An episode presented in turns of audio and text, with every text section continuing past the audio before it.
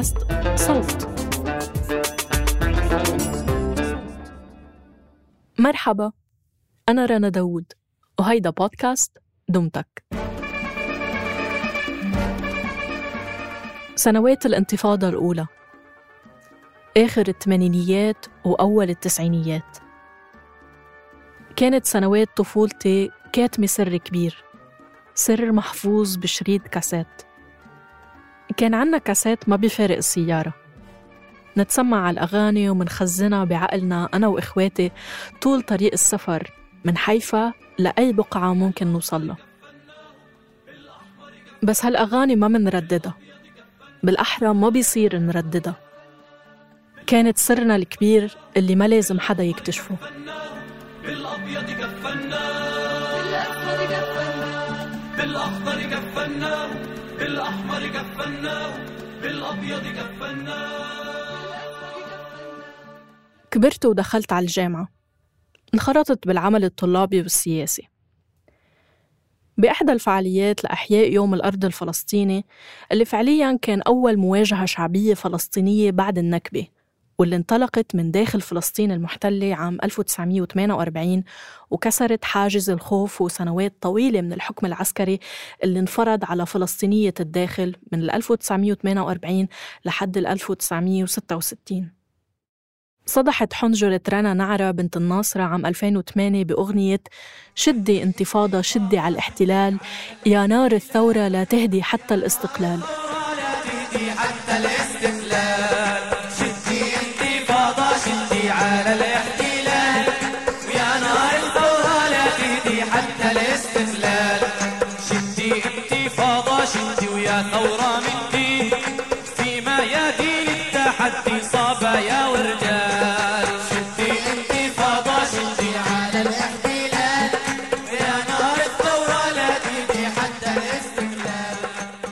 اللي كانوا حاضرين بمسرح الحكواتي بالقدس يوما هبوا وقاموا بمشهد جماعي وكأنهم عم بغنوا سر علنا للمرة الأولى.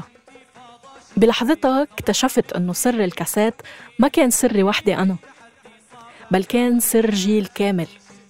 جيل استمع لأغاني الانتفاضة المسجلة على كاسات مهرب من جنين أو القدس أو أي مكان جغرافي كان من الممكن نوصله بفلسطين. ما حدا بيعرف أسماء المغنيين ولا مين كتب الكلمات. صارت هاي الأغاني بمثابة منشور شفهي متنقل بيوجه العمل الميداني وبيوضعه بإطار سياسي. وكل ما تاهت البوصلة نرجع لهونيك لأغنية انكتبت بالثمانينيات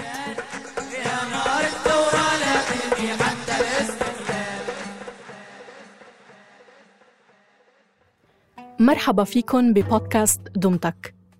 هالموسم رح نحكي عن موسيقى الحشود وسياقاتها اللي بتجمع الناس وبتخليهم يرددوا أغاني وهتافات وأناشيد بصوت واحد وبقلب واحد.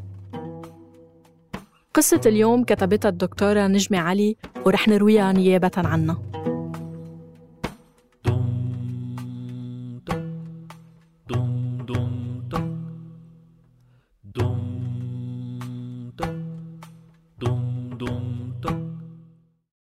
لما كبرت قررت البدء بمسيرة البحث عن الأغاني أو بالأحرى عن قصة الأغاني واللي لاحقاً وثقتها برسالة ماجستير عن دور الأغنية كآلية مقاومة من أجل التحرر الوطني.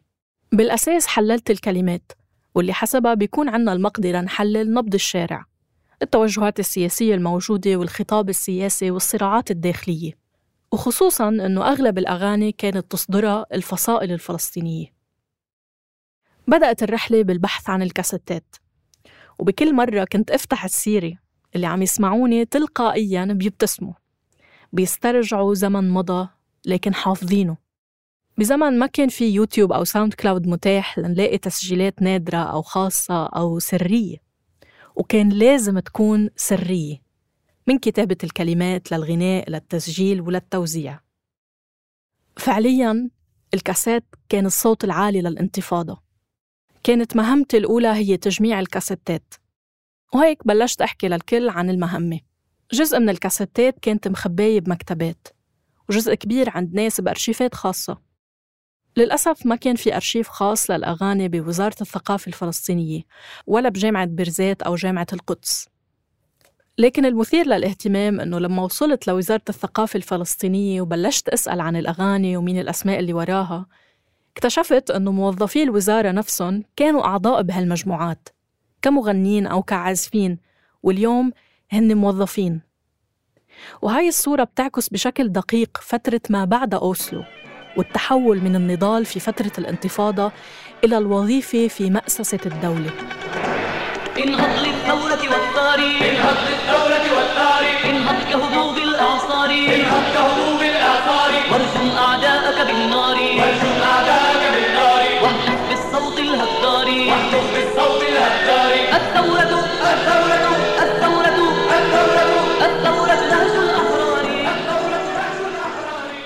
على كل الأحوال القصة بدأت بالانتفاضة الأولى والبعض بسميها الانتفاضة الكبرى أو انتفاضة الحجارة. الفترة الذهبية للتنظيم الشعبي الفلسطيني اللي وجد فيها كل فلسطيني مكان له بانتفاضة وضعت الشعب الفلسطيني على الخارطة العالمية من جديد بنشرات الأخبار وبالصحف والأهم بذاكرتنا الوطنية.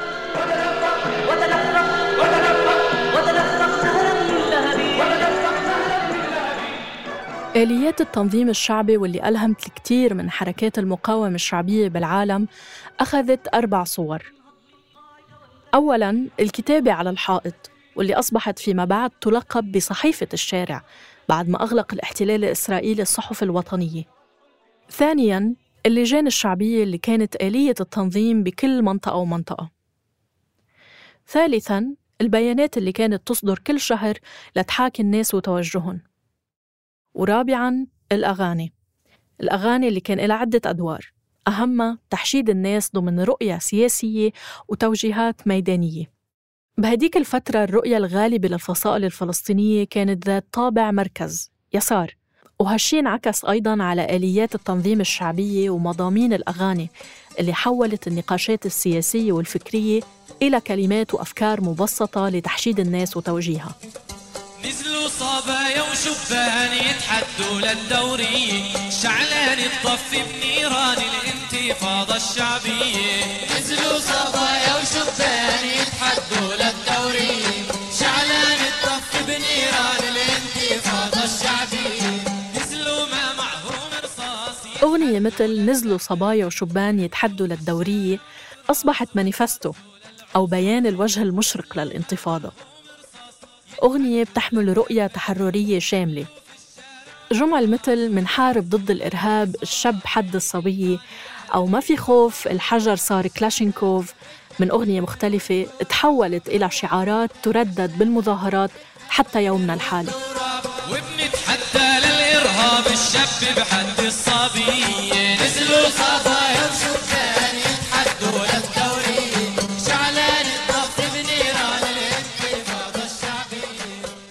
الموسيقى اللي رافقت هالكلمات والأفكار كانت موسيقى أعراس شعبية مثل لحن على دلعونة اللي تركب لها كلمات جديدة بتعكس معنى المرحلة مثل على دلعونة على دلعونة حنا انتفضنا وما بيهدونا من غزة انطلقت أول شرارة لبت جباليا بهمة جبارة استمدوا القوة من تشي جيفارا البريج الشاطئ مع بيت حنونة.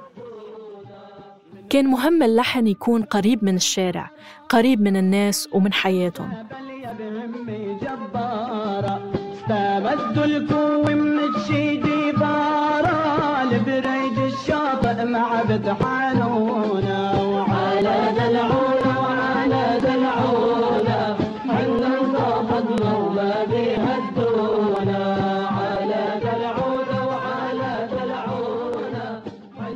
وكانت التعليمات اللي بتصدر بالبيان السياسي الشهري تقضي بالاستمرار بالأعراس والفرح رغم الاعتقالات والجرحى والشهداء.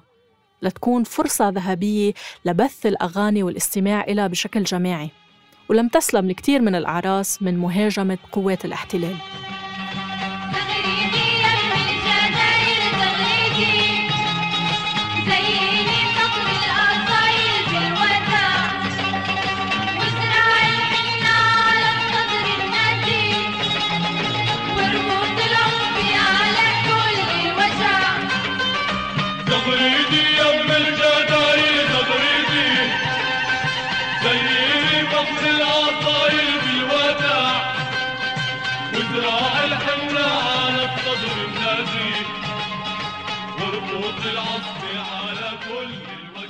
اعتبرت قوات الاحتلال الكاسات مواد تحريضية وكانت كافية لاعتقال كتار وحتى خارج فلسطين أنظمة عربية اعتبرت هالأغاني تهمة مثل بالأردن. وبكل مكان كانت تخبأ الكاسيتات تدفن بالأرض أو بتحفظ بالثلاجات. جزء من هالأغاني كانت تنسخ ويكون الغلاف مثلا لأم كلثوم وبتتوزع بجميع المناطق. ظل الساحل الجراح يا ضوء ظل الساحل ولا يمكن جواه الدنيا تنزع من ايد الساحل ظل الساحل الجراح يا ضوء ظل الساحل ولا يمكن جواه الدنيا تنزع من ايد الساحل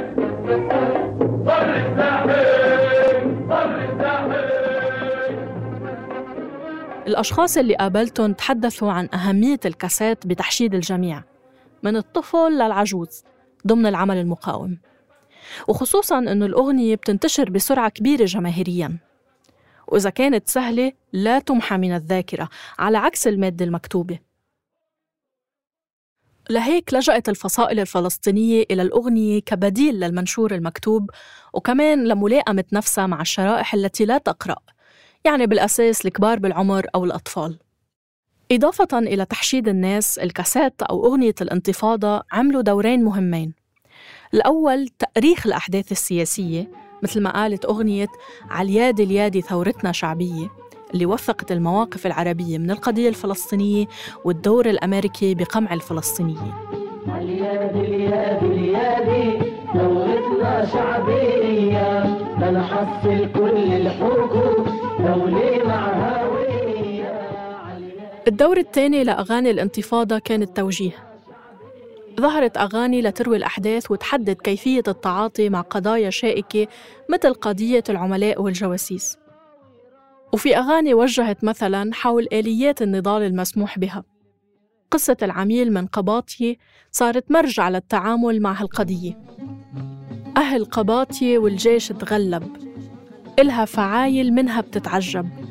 يشهد عليها عمود الكهرب ومصير الخاين هيك بيكون في أيام الصيفية إيد بتخلع جواسيس وإيد بتزرع حرية محلى البيت أروي الدريس في أيام الصيفية إيد بتخلع جواسيس وإيد بتزرع حرية أحد أهم الأمور اللي استعملها الاحتلال لقمع الانتفاضة مرتكز على قانون 101 الصادر عن الحكم العسكري والإدارة المدنية. منع التجمع أو أي مكان بيسمح لتجمهر الفلسطينيين. وهالشي شمل المدارس والجامعات اللي أغلقها الاحتلال. كان الرد سريع من خلال ما يعرف بالتعليم الشعبي. بدأ الفلسطينيين بعقد مجموعات صغيرة وصاروا يتناوبوا على التعليم بشكل سري بالبيوت. وبنفس الوقت هالشي سمح للاندماج بالانتفاضة اللي حولت الشوارع مدارس والحصص انتفاضة وللرياضة من مارس وضرب الحجر رياضة.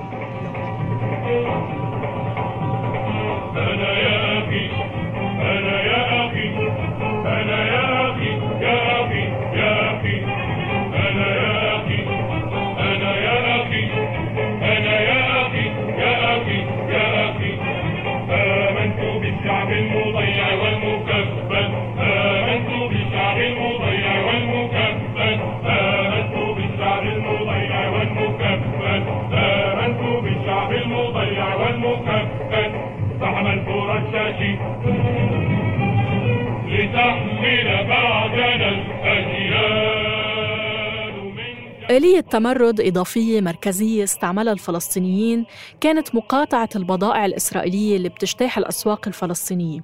ومقاطعة العمل بإسرائيل شل حركة العمل وكبد الاقتصاد الإسرائيلي خسائر فادحة رافقت عملية المقاطعة الرجوع للأرض وفلاحتها وللارتكاز عليها كمصدر رزق أساسي بعد ما حولت إسرائيل الفلسطينيين لأيادي عمل رخيصة.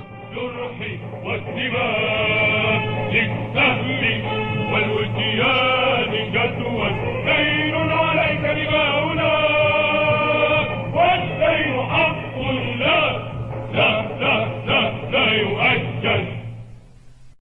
بمقطع آخر للإشارة للاقتصاد المنزلي وتعزيزه خصوصا بظل الحظر وبظل مقاطعة البضائع الإسرائيلية بتقول الأغنية كفاح الشعب روح السعادة. شعبنا كله همة وإرادة. ناكل خبيزة وزعتر ولادة وأحلى من العسل خبز الطابونة.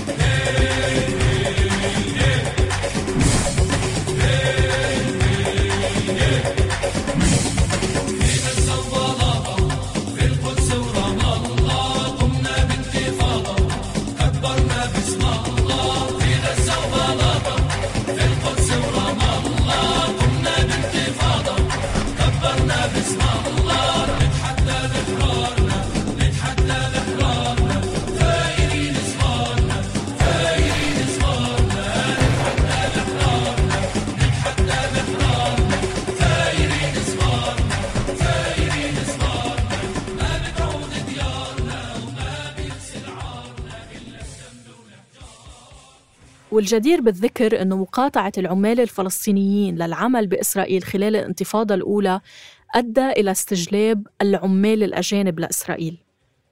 واللي بشكلوا أزمة لإسرائيل خصوصاً بظل قانون القومية ويهودية الدولة. لكونهم غير يهود وبيطالبوا بالجنسية الإسرائيلية بحكم وجودهم لسنوات. لتوجيه آليات العمل الميداني وتوثيقه عملوا بوسط الشارع سد بالإطارات الشعلانة. وعالدورية كان الرد كبسية بالأناني. موضوع آليات النضال مهم جدا للمحافظة على شعبية الانتفاضة. أي بمعنى جعل الجميع قادر على المشاركة بالانتفاضة ضمن أدوار مختلفة. كانت النساء مثلا تحمل دلاء ماء أو سطولة مي ليغسل الشباب إيديهم من غبار الحجارة لحتى ما ينمسكوا بفحص الأيادي عند الجنود. كان في سكرتير الرش المسؤول عن أنان الرش لكتابة الشعارات اللي كان بيعها أيضا يعتبر تهمة. لكل حدا دوره ولكل حدا مهمة. وهيدا أحد الأسرار بالالتفاف حول الانتفاضة. واللافت إنه الناس اللي كانت بالشارع أدركت هالقوة وعارضت رغبة قيادة الخارج بتسليح الانتفاضة. وبقي الحجر والمقلاع والنقيفة والإطار الشعلان هي الآليات المركزية للمواجهة.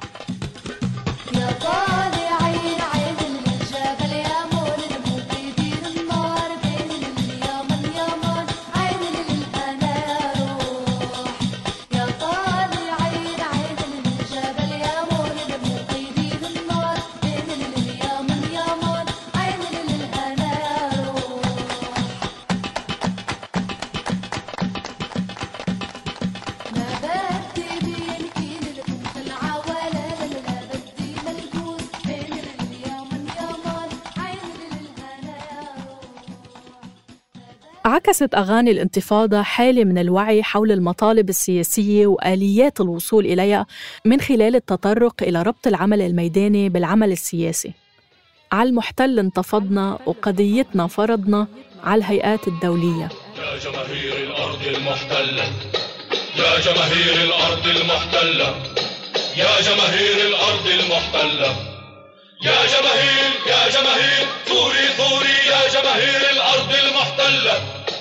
ثورتنا انطلقت ايدي من دمك الشعلة.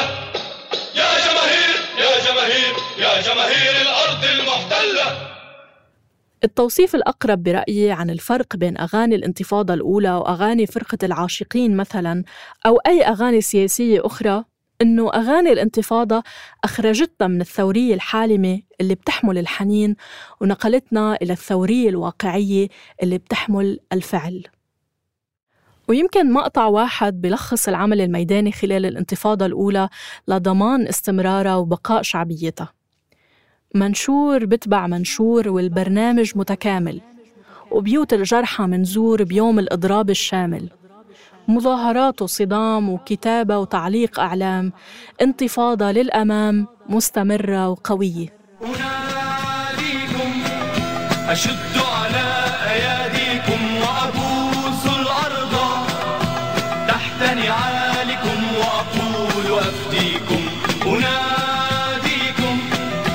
أشد على أياديكم وأفوز الأرض. تحت نعالكم وأقول أفديكم. حمل الإضراب الشامل معنى إيجابي بالانتفاضة الأولى.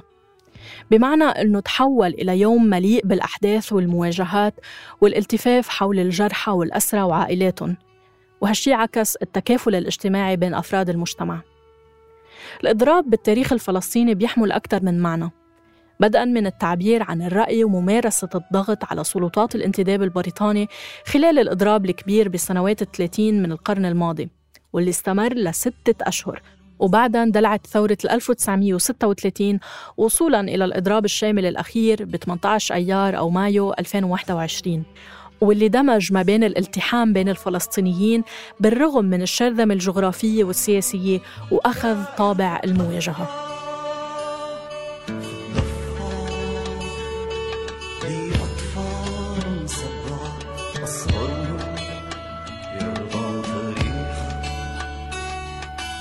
أوسطهم اسمه جيفارا.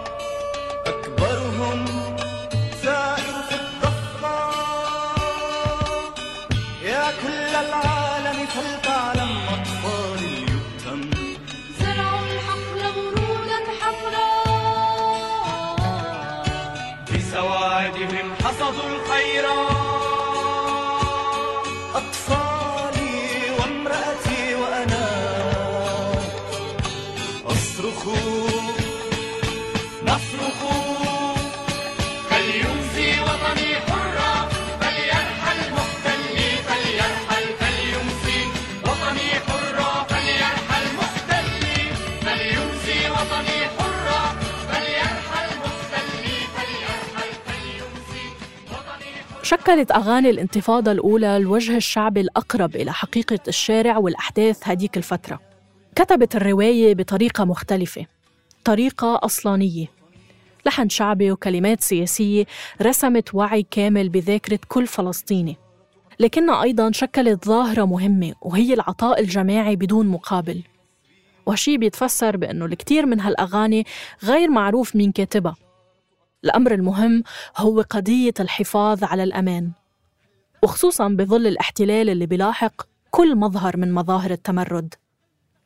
أصدر الحاكم العسكري وممثل الاحتلال عدة قوانين بتتعلق بالشأن الثقافي والفني. منع أكثر من عشر تلاف كتاب منعت الأغاني وصودرت الكاسيتات ومنع كل ما يذكر بألوان العلم الفلسطيني وصودرت بوسترات وصور.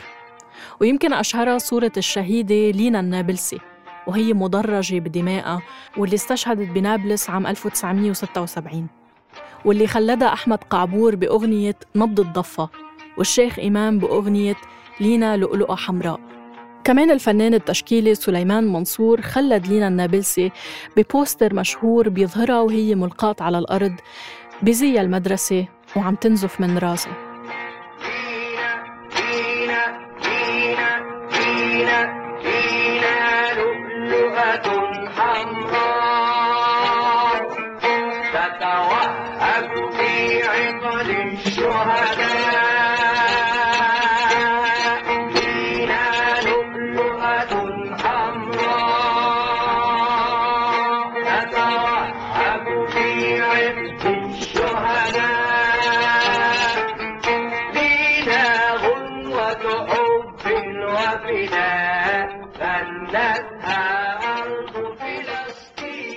الأغنية بالانتفاضة الأولى لعبت دور سياسي بامتياز. تعدى الدور العاطفي وتحشيد الناس ووصل إلى حالة من التوجيه وصياغة الوعي والتوثيق وهيدا اللي زرعته فينا لليوم بالنضالات الحالية. ما زالت آلية الانتفاضة الأولى اللي انتقلت إلنا عبر الكلمة والأغنية هي ذاتها آليات المواجهة الأساسية. بس يجب أن نتذكر أنه أغاني الانتفاضة الأولى بسنوات الثمانينيات كانت جزء من مشروع وطني ومن رؤية وطنية تسعى للتحرر وبناء الدولة الفلسطينية. ووظفت الأغنية مثل ما توظف الأدب والإعلام والسينما وكل شيء لتحقيق هالهدف. اليوم وبظل تفتت الحلم والمشروع السياسي وتزامنا مع علو شأن الفردانية عم نشهد أعمال ملتزمة لكنها ليست جزء من مشروع سياسي. وهالشي بيجعلها مجرد أغنية إضافية جميلة ربما تكون ملتزمة بالكلمات ولكنها منزوعة السياق مما يفقدها المعنى والتأثير. لتبقى بأحسن الأحوال مشروع نجاح فردي لا أكثر ولا أقل. ولما منشتاق للمعنى منرجع نستمع لنزلوا صبايا وشبان يتحدوا للدورية لتسجيل رديء بس بعيدنا مهما ابتعدنا للطريق. نزلوا صبايا وشبان يتحدوا للدورية شعلان الطف بنيران الانتفاضة الشعبية نزلوا صبايا وشبان يتحدوا للدورية شعلان الطف بنيران الانتفاضة الشعبية هاي الحلقة بحث وكتابة الدكتورة نجمة علي. تحرير وإنتاج صابرين طه وإخراج صوتي تيسير قباني. النشر والترويج مرام النبالي وبيان حبيب وبسنت سمهود كنت معكم بالتقديم والتحرير أنا رنا داوود. اتركوا لنا آرائكم بالتعليقات والتقييمات على ساوند كلاود وأبل بودكاست أو تواصلوا معنا عبر صفحاتنا الخاصة على تويتر وإنستغرام. وإذا حابين تسمعوا الحلقات الجاي اشتركوا بقناة دمتك على تطبيق البودكاست اللي عم تسمعونا عبره. دمتك من إنتاج صوت.